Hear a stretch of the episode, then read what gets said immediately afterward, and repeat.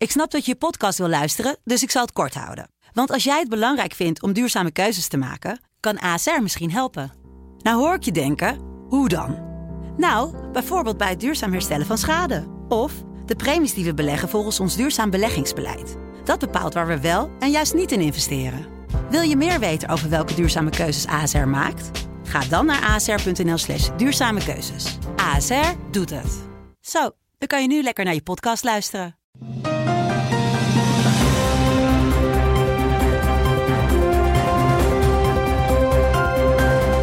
Dit is de Telegraaf podcast. Het land van Wierduk met Kamran Oela. Goeiedag, voortaan zijn we er elke donderdag vanaf de redactie van de Telegraaf met ruim 20 minuten analyses van belangrijke nieuwsgebeurtenissen die Wierduk in de voorbije week hebben beziggehouden.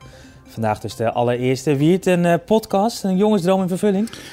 Dat kun je wel zeggen. Ik stam nog uit de tijd van de tamtam en de rooksignalen. Dus om dan nu een podcast te kunnen opnemen, dat is toch wel echt een eh, enorme verrijking van mijn journalistieke eh, vaardigheden. Ja. En ben je zelf ook een vervent luisteraar van podcasts? Ja, ik luister heel veel naar podcasts. Ik vind podcasts echt geweldig. Dus, en er zijn ook een aantal hele goede podcasts uh, zo her en der te vinden op het internet. Dus ik vind het echt een fantastisch uh, journalistiek middel, ja. Nou, wij gaan in ieder geval uh, elke week een aantal onderwerpen bespreken die jou bezig hebben gehouden. Deze week gaan we het zo hebben over uh, het uh, OM, de uitleg daarvan waarom die A7-blokkeerders worden vervolgd. Een oud Shell-directeur die bijles geeft in de Schilderswijk. Vandaag stond het ook in de Telegraaf. maar we beginnen met de dreiging van extreem rechts. Vergeet de skinhead uit de jaren 80 en 90. Die bestaat eigenlijk niet meer. Ja. Ook die hele beweging toen... Hè, uh, tegen het Jodendom, uh, gericht op de verering van Adolf Hitler. Of zo. Dat, is, dat is helemaal gemarginaliseerd. Ja. Extreem rechts is nu anti-islam en anti-Europa met name. Ja. Ja, een uh, nieuw soort extreem rechts dus. We hoorden Sil van Schoonhoven, onze mm -hmm. collega. Wiert, jij begeeft je op plekken waar extremen bij elkaar komen. Hè? Herken je dit dan ook? Nou ja, ik denk dat ik een aantal van uh, die groepen die genoemd worden, uh, dat ik daar uh, leden van ken. en dat ik wel redelijk in dat milieu zit.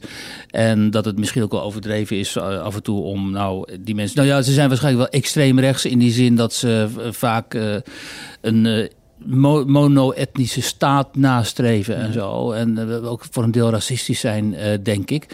Um, maar wat ook uit het rapport bleek, en dat, uh, dat bevestigt ook wel die, die, contacten die ik met die mensen heb, is dat ze niet per se zo gewelddadig zouden zijn. extreem links, dat staat ook in het rapport, is eigenlijk veel hè, meer bereid tot geweld gebruiken dan dit deel van rechts. En het is ook de vraag hoe groot dat nou in Nederland is. Kijk, in landen als Duitsland en zo heb je echt een probleem. Want dan heb je gewoon echt een harde, keiharde neonazies zien die nu ook min of meer binnendringt in het uh, politieke establishment hè, via die alternatief voor Duitsland. Maar dat heb je in Nederland toch uh, veel minder. Maar goed, uh, als het bestaat en als die dreiging er is, is het goed om daarop geattendeerd te worden. En um, het is een, inderdaad een belangrijke ja. ontwikkeling dat niet per se meer antisemitisch is, hè, wat Sylvan ook zei. Maar veel eer inderdaad anti-islam, anti anti-immigratie. Uh, noem maar op, al die bekende thema's. Ja, en uh, je noemt ook iets over de gewelddadigheid. Hè? Laten we heel veel ook luisteren wat Sylvan daarover te zeggen heeft. Je ziet op dit moment, of de AVD stelt het eigenlijk vast, dat gebruik van geweld in dit soort kringen nog niet zo gebruikelijk is. Nee. Er wordt wel geflirt met geweld. Het is een soort verheerlijking van geweld. En er is een fascinatie voor vuurwapens. Nee. Legale vuurwapens uh, wel te verstaan. Uh, echt uit de hand loopt dat nog niet. Nee. Sterker nog, zegt de IVD, opmerkelijk genoeg... de neiging tot geweld is sterker bij links dan bij rechts, zou je kunnen ja. zeggen. En dat leidt tot een soort van kat-en-muisspel uh, tussen extreem rechts en extreem links. Ja, Wiert, dat zei je net dus eigenlijk ook al. Hè? Maar toch zie je dat die fascinatie er uh, wel is. Hoe komt dat, dat die fascinatie er is en dat men ook grijpt naar legale wapens? Nou ja, er is fascinatie natuurlijk voor, uh, voor uh, de körpercultuur, zoals Duitsers dat zeggen. Dus uh, getrainde lichamen en gezond en fit zijn. En de, in Vlaanderen zie je ook van die bewegingen waar jongeren dan trainen in de, in de bossen en zo. Om zich fit te... nou ja, die maken zich eigenlijk op voor de grote clash, zoals zij dat zien. Hè. Die gaan ervan uit, deze bewegingen, dat er uiteindelijk een clash zal komen tussen zeg maar de, de, de, de moslims, tussen -huh. de islam en het westen. En zij bereiden zich daar min of meer geen geestelijk en fysiek op voor. Omdat zij zich beschouwen als de avant-garde van de, de, de, zeg maar de, rechtse bewegingen. Die het avondland, zoals zij dat noemen, gaan beschermen. Maar goed, dit zijn heel marginale groeperingen. Maar ze bestaan wel. En wat Silvan ook zegt, het echte geweld op dit moment bij demonstraties en bij betogingen en zo. Zoals we dat bijvoorbeeld bij de G20 in Hamburg hebben gezien. En je ziet het elke 1 mei ook bijvoorbeeld in Berlijn. Hè. Dat komt van extreem links, heel simpel. Dat is openlijk geweld op de straten. Dus is op dit moment gewoon heel duidelijk uh, afkomstig van uh, die partijen. Maar het is inderdaad een feit dat er groepen zijn aan die extreemrechtse kant. die zich uh, voorbereiden op wat zij noemen de, de aanstaande burgeroorlog. Ja, en, dat is natuurlijk wel echt zorgwekkend. Dat je dus zowel aan de ene kant als de andere kant extreme hebt die zich voorbereiden op iets dat komen gaat.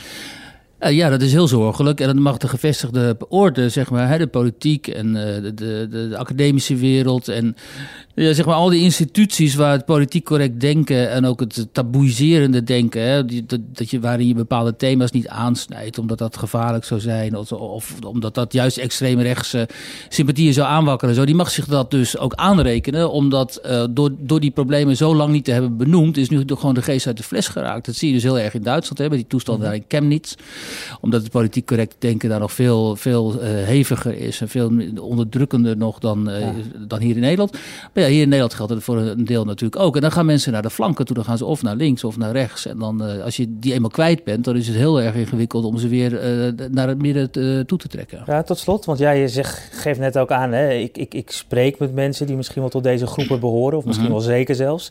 Um, wat moet er gebeuren om ze in ieder geval iets meer naar het midden te kunnen trekken en dat ze niet aan geweld grijpen? Nou, die mensen die ik ken, die krijg je niet terug. Uh, dat is ook niet per se dat ze nou geweld zullen gaan gebruiken. Maar die zijn zo gemarginaliseerd en die zitten zo vast in hun eigen ideologie. En in de boeken die ze lezen en de mensen die ze volgen op Twitter en op internet en zo. Die zijn helemaal niet meer bereid om naar het burgerlijke midden, zeg maar, uh, terug te keren. Daar voelen ze zich ook helemaal niet thuis. Dus uh, wat je moet doen is wat de AFD ook altijd goed doet. En schaduwen in de gaten houden. En mocht er dan inderdaad een overlap zijn naar geweld. Ja, dan moet je die mensen natuurlijk gewoon uh, inrekenen. Net zoals dat, dat je mensen die naar Syrië wilden afreizen uh, moet inrekenen. De Telegraaf podcast. Ja, toeval of niet, maar op de dag dat de NTR bekend maakt dat in het Sinterklaasjournaal en bij de landelijke intocht alleen nog maar roetveegpieten als knechten van de Sint te zien zullen zijn, legt het OM ook in een geanimeerde video weert uit waarom de A7-blokkeerders worden mm -hmm. vervolgd. Nou, je hebt die zaak natuurlijk gevolgd, heel veel over gepubliceerd. Ja. Hoe zat het ook alweer? En nou, vorig jaar ging dus de landelijke intocht, die had, zou, plaatsvinden, zullen, zou plaatsvinden in Dokkum, in de gemeente Dongeradeel. En die kick-out Zwarte Piet-activisten, dus die anti-Piet-activisten, die hadden toestemming gekregen van de burgemeester daar, om daar te gaan demonstreren op, demonstreren op de route waar Sinterklaas ook zou, zich zou verplaatsen. En toen hebben Friese gezegd, ja, maar dat willen wij niet, omdat onze kinderen daar staan. En er is in, in het verleden is gebleken dat dit soort bijeenkomsten nogal eens tot geweld leiden. Dus wij willen niet dat die mensen daar ze kunnen 364 dagen per jaar demonstreren, ook bij ons in Dokkum, maar nu even niet. Uh, dus toen zijn ze die wegen rond Dokkum ja. gaan uh, blokkeren, of de toegangswegen naar Friesland, die A7. Die A7. Ja. Uh, nou, en dat heeft dus geleid tot heel veel gekrakeel en gedoe. En die mensen die zijn aangeklaagd, de 34 van hen, die staan nu volgende week voor de rechter. En het Openbaar Ministerie gaat er echt vol in. Die, willen, die hebben nu ook gezegd bij Omroep Friesland dat ze waarschijnlijk ook gewoon, dat ze celstraffen niet uitsluiten voor deze mensen. Um, en dat filmpje, dat is, Jip en Janneke filmpje, echt niet te geloven. Dat hebben ze ook, daar hebben ze ook nog de tijd voor gevonden om dat te maken. Hè? Terwijl je zou denken, je hebt toch wel uh, urgente andere zaken aan je hoofd. Hè? Bijvoorbeeld uh, nou ja, uitreizigers of zo. Maar goed, uh, ze hebben dat filmpje dus gemaakt. En, en het geldt ook, want dat het filmpje is, hè, we, we, maken ook wel eens ja, dat, dat soort films. Dat, dat, ja. ja. dat, dat doe je niet even in de namiddag. Zullen we even luisteren wat daar precies te ja. horen is? Het is belangrijk dat dit recht wordt beschermd. Dit houdt de samenleving leefbaar. Op 18 november 2017 werd de snelweg A7 bij Jouren geblokkeerd. Hierdoor werden demonstranten verhinderd een demonstratie in Dokkum bij te wonen. Door het versperren van de snelweg ontstond bovendien een gevaarlijke verkeerssituatie. De 34 personen die daar volgens het Openbaar Ministerie bij betrokken waren, moeten zich hiervoor bij de rechter verantwoorden. Het gaat er niet om welke mening je hebt, maar om het beschermen van de vrijheid van meningsuiting voor ons allemaal. Ja, uh, het gaat hier om de recht op uh, vrijheid van meningsuiting en, uh, en ook dus van demonstratie. ga, ga Fijn verder. muziekje ja. trouwens, ja. die soundtrack. Um, ja, daar ging het ook om. Het, het, ironische is dat die bussen sowieso te laat waren vertrokken. Dus ze waren helemaal niet op tijd aangekomen nog op de, de, geplande tijdstip dat die demonstratie had moeten plaatsvinden. Dus dat is wel heel grappig. Maar, okay, maar dat zijn die ehm, details. Het gaat, nu even, het gaat nu even om, omdat het OM op deze manier Ehm, een video maakt. Nou ja, dat is dus heel vreemd eigenlijk. Omdat, maar goed, dit duidt er dus op, in mijn opinie, dat het OM nattigheid voelt. Omdat die de Friese blokkeerders, die hebben enorm veel sympathie onder de Nederlandse bevolking. Kijk, iedereen begrijpt wel dat je inderdaad, demonstratierecht is heel belangrijk. En dat moet je niet op deze manier gaan verstoren en zo. Dat zeggen die blokkeerders zelf ook. Hè. Nou, we accepteren ook de straf die we gaan krijgen en zo. Maar voor ons was het even nu gewoon tot hier en niet verder. En daarmee hebben ze dus enorm veel sympathie gecreëerd. Uh, in Nederland. Dus iemand als Jenny Douwers, degene die uh, wordt gezien als symbool van deze actie, die krijgt tot op heden nog altijd briefjes en kaartjes en weet ik veel wat, overal uit het land van mensen die zeggen: Ja, wij ondersteunen jullie. Uh, dus het OM voelt dat, ze, dat het OM niet op heel veel sympathie hoeft te rekenen. Dus dan proberen ze waarschijnlijk met zo'n filmpje in ieder geval uit te leggen ja, dat ze ook niet anders kunnen en willen, omdat zij vinden dat de demonstratierecht nu. Maar het is eigenlijk gewoon om sympathie eh, op te wekken, ook weer bij andere mensen. Eh, of de zaak is gewoon niet sterk genoeg. Uh, en dus ga je het proberen op deze manier een beetje de publieke opinie te beïnvloeden. Ja, kijk, ik denk dat die zaak wel sterk is, omdat het natuurlijk aantoonbaar is dat die, dat die bussen daar zijn uh, tegengehouden. Uh, alleen de hoogte van de straffen die geëist gaan worden, dat wordt natuurlijk nogal een ding. Omdat echt, als je echt celstraffen gaat eisen en zo, dan veel, heel veel mensen het buitenproportioneel vinden. Maar goed, ik denk wat ik gezegd heb, dat ze met dit filmpje in ieder geval de mensen, de burgers willen laten willen duidelijk maken van ja, dit staat er of dit stond daar op het spel. En dit, dit recht van deze mensen, die kick-out Zwarte Piet-activisten, is daar geschonden. En dat nemen wij heel hoog op. En dat doen ze ook, want ze gaan echt. Uh, ze hebben hè, er zijn iets van vier, vijf dagen uitgetrokken. Ja, en die zaak eh, begint volgende week, geloof ik. Begint volgende week. Ja, Nou, we ongetwijfeld komen er dan volgende week ook weer op terug. Jazeker. We hebben aanstaande maandag een uh, groot interview met Jenny Douwens in de krant bijvoorbeeld hierover. Nou, dat is dan vast aangekondigd. De Telegraaf Podcast. Ja, wie het een eh, paar korte onderwerpen in het eh, NTR-programma De Nieuwe Maan is prediker Omer Bantwawala van de Asuna Moskee te gast. En dit is wat hij tegen de presentatrice over vrouwenbesnijdenis zegt. Het is duidelijk dat er een, dat er een islamitische wet bestaat. Ja, dat fundament ligt er gewoon. Dit zijn informatieve cursussen die een andere wet uitleggen. Nee, Zij roepen niet op tot vrouwenbesnijdenis. Het is geen informatie. Het is het aanzetten tot vrouwenbesnijdenis is een strafbaar feit. Hoezo heeft hij daartoe aangezet? Door het aan te bevelen, onder andere. Nee, hij heeft verduidelijkt wat de islamitische wet aanbeveelt. Hij heeft niet opgeroepen aan vrouwen. Maar wat is het verschil? Ja, wie het, het is toch krankzinnig. Ja, dat is natuurlijk hopeloos dit. Dat je in deze tijd uh, uh, op de nationale tv over dit soort uh, barbaarse praktijken moet spreken. Uh, het is goed dat er over gesproken wordt, want het is dus inderdaad, het bestaat dus in bepaalde kringen eh, dat er hè, in Nederland dat die hiermee, dat soort kringen bestaan die hiermee sympathiseren. Uh, maar het is natuurlijk een verschrikking dat wij het hier in onze beschaafde westerse samenleving, die ook een liberale samenleving is, het over dit soort praktijken uh, moeten hebben. En dat er nog mensen zijn die dit soort praktijken eigenlijk, want dat probeert deze man, ja. proberen te vergoelijken. Hè? En dan komen ze altijd met die verschrikkelijke drogreden aan, waardoor je er eigenlijk nooit echt greep op ze krijgt. Dat je, je weet nooit precies staan ze nu wel achter of niet. Het is, dus ze kunnen ook heel goed dat verhullende taalgebruik, dat, eh, dat beheersen ze tot in de puntjes. Ja, dat is het ook. Het verschil is natuurlijk wel echt met twintig jaar terug dat het gewoon een imam is die, eh, die, die keurig Nederlands spreekt. En, en eigenlijk uh, op zijn uh, eloquente ja. uh, woordgebruik probeert om, om, om door nou, de maat van de wet heen te glippen. Ja, we bijna getraind in het debat en zo. En mediatraining gehad misschien wel. En kijk, daar, dat is waar we dus nu mee te maken hebben met een nieuwe generatie, zeg maar, orthodoxe moslims. Die, um, die gepokt en gemazeld zijn ook in die debatcultuur zo langzamerhand. Ja. Ook precies weten hoe de hazen lopen. En precies weten wat ze wel en niet kunnen zeggen, ook uh, juridisch. En langzamerhand uh, de publieke opinie uh, langzaam maar zeker proberen te beïnvloeden en te bespelen. Dat is wat wij dus die islamisering noemen. En heel ja. veel mensen die zeggen altijd van, wat een gelul die islamisering, waar dan? En zo, nou ja, hier dan. Dat op de Nederlandse publieke tv, publieke omroep, waar jij en ik belasting voor betalen, dit soort manieren met lange baarden, ons dit soort middeleeuwse praktijken. Maar het is ook wel weer goed dat het op de Nederlandse televisie te zien is, want daarmee, anders zouden ze het alleen maar in de krochten van de moskeeën doen. Want ja, nu is, zien we gewoon wat voor meningen er zijn. Nee, dat ben ik met je eens. Het is heel goed. Eh, ik vind dat iedereen aan het woord moet komen. Hè? Dus van extreem links tot extreem rechts en ook dit soort maloten, zeg maar. Maar het feit dat je het erover moet hebben, omdat het een praktijk is in Nederland en mensen hierover nadenken en hiermee te maken hebben en met die cultuur te maken hebben. En zo. Dat is natuurlijk zo verschrikkelijk onwenselijk, omdat wij dachten dat we toch enige vooruitgang hadden geboekt uh, na de middeleeuwen. En dat wordt dan, en nu worden we opeens helemaal teruggeworpen, althans delen van onze samenleving. Dat is natuurlijk echt heel erg uh, naar. Ja. Nou, we zouden het onderwerp even kort doen, maar het is toch wat uitgebreider geworden. Ja, dat zijn dingen die mij na aan het hart liggen, dit soort uh, thema's. Laten we dan het ja. volgende onderwerp wel heel kort houden, uh, want het ligt de zaak Volkert je ook aan het, uh, na aan het hart. Ja, die ligt me ook heel erg na aan het hart. Ik kan het gewoon, ik vind het onuitstaanbaar dat Volkert van de Graaf, de moordenaar van een van de meest belangrijke politici in de Nederlandse geschiedenis, hè, de, uh, Pim Fortuyn, dat hij er op deze manier van af is gekomen en dat hij nu nog uh, kan onderhandelen met het Openbaar Ministerie, zoals wij hebben uh, onthuld in de Telegraaf vorige week, over voorwaarden voor hoe hij zich in Nederland en elders mag begeven. En dat hij dus nu, um, uh, dat het er nu op neerkomt dat hij elke twee maanden een mailtje mag sturen, ergens ja. vandaan, van waar dan ook, om even aan te geven dat het met hem heel goed gaat en met de rest van Nederland iets minder, omdat hij nog steeds gewoon uh, een middelvinger naar ons uitsteekt. Ja, dat vind ik eigenlijk niet te verkloppen. En zowel het Openbaar Ministerie als uh, de minister voor Rechtsbescherming, Sander Dekker, die zeggen tevreden te zijn met de deal. Ja, hoe kun je nou in vredesnaam tevreden zijn met een deal die je hebt uitonderhandeld met een veroordeelde moordenaar? Ik bedoel, hoe, hoe zie je de rechtsstaat dan?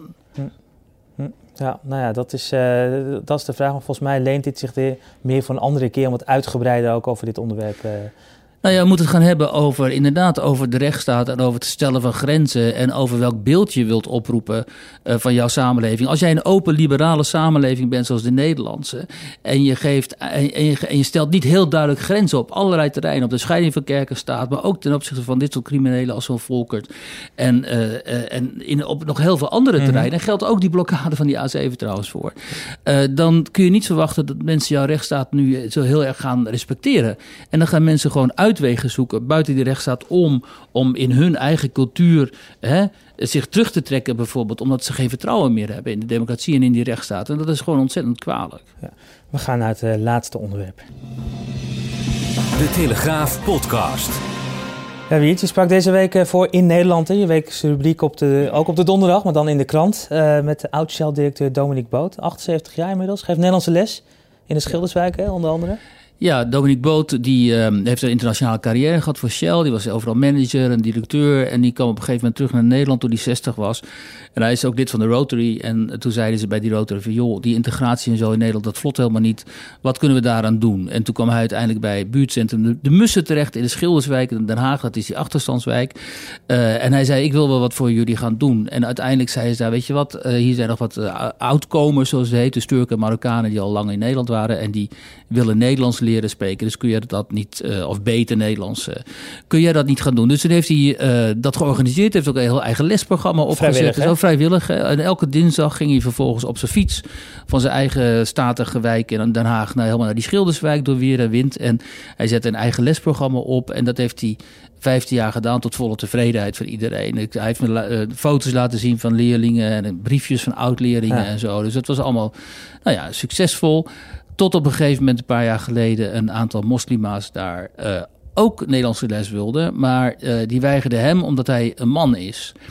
En nu is Boot van, uh, die is niet zo religieus. Uh, hij, heeft eigenlijk, hij vindt religie, religie eigenlijk een enorme uh, splijtswam in de samenleving. Ja. Dus voor hem was het natuurlijk volstrekt onacceptabel dat de vrouwen om religieuze redenen hem niet accepteerden als docent. En wat deed toen de mussen? Die kozen voor de pragmatische op, oplossing, niet de principiële oplossing. Dus die zeiden, weet je wat, we huren gewoon een vrouw in, die gaat dan die lessen doen. En dan ga jij wat anders doen als voorlees opa.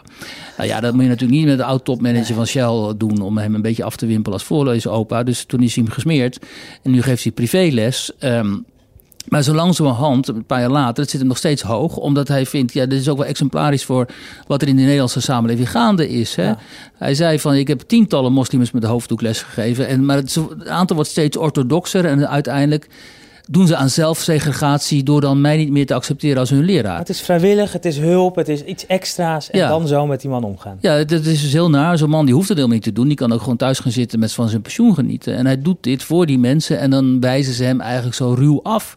En dat is dus voor mij ook wel symbolisch voor wat een deel van deze samenleving op het moment uh, doormaakt. Hè. Er is Er zijn overal goede projecten waar mensen samenwerken en zo, mensen bij elkaar komen. Maar er is ook, ook dit waar mensen eigenlijk lijnrecht tegenover elkaar komen te staan. Vanuit ideologische of religieuze motieven. En dat is uh, natuurlijk heel naar om uh, te moeten constateren. Terwijl je zou denken, barmhartigheid staat volgens mij in alle religies eh, ergens bovenin. in een van de eerste Ja, en er zullen ook heel veel moslims zijn, moslima's, die zeggen: joh, het is onzin. Want ja. hij, nou, wat hij zegt, hij, heeft ook gewoon, hij geeft nu ook op dit moment privéles aan, aan hoofddoekdragende moslima's. Die zeggen: ja, dat is flauwekul. Alleen die orthodoxe, die salafistische tak, zeg maar, ja, die is gewoon heel strikt en, en, en rigoureus. En die hebben dan uh, dit soort, uh, die nemen dan dit soort besluiten. Ja, dus exemplarisch voor wat ongetwijfeld heel veel mensen meemaken en hij wil zijn verhaal doen en heeft dat vandaag gedaan. Dus en uh, exemplarisch ook voor, voor wat ik eerder zei, voor die voortschrijdende islamisering mm -hmm. van de grote steden in Nederland. Ja. En dat blijft een grote zorg. Waarschijnlijk ook een terugkerend thema hier in deze podcast. Nou, daar kun je wel donder op zeggen, ja, dat dat ja. het geval zal zijn. Nou, want we zijn al weer bij het einde. Die 20 minuten die vliegen voorbij. Ja. Tenminste, voor ons. Hopelijk wordt de luisteraar ook. Die, die is waarschijnlijk al lang afgehaakt. Die heeft dit nooit, uh, dit nooit gehaald. um, ja, de nu al gevleugelde slotvraag. Ja, nou ik ben volgende week, kan ik je zeggen, die slotvraag is, wat ga je zien Ja, waar verheug je op uh, deze nou, week? ja, ik verheug me erg op, of erg, maar ik uh, kijk met enige spanning uit naar volgende week. Om dan ben ik in Leeuwarden met Saskia Belleman samen voor het proces tegen die blokkeerders. Ja. En ik ben heel benieuwd uh, hoe dat eruit gaat zien eigenlijk. En ik heb al het een en ander gehoord natuurlijk over wat de, de 34 verdachten uh, gaan doen of zeggen. En uh, we zullen zien hoe dat, uh, of dat voor enige reuring gaat zorgen. Niet via de A7, hè? want dan kom je te laat. Ja, nee, die A7 sla ik over natuurlijk. Dankjewel. Dit was het dus daarmee voor deze week. Volgende donderdag uiteraard weer een nieuwe aflevering. Hou hiervoor de telegraaf.nl natuurlijk in de gaten. Hè? Of abonneer je op ons kanaal op Soundcloud. En binnenkort zijn we trouwens ook op iTunes en op Spotify. Heb je ideeën of tips? Laat het dan ons weten via podcast.telegraaf.nl.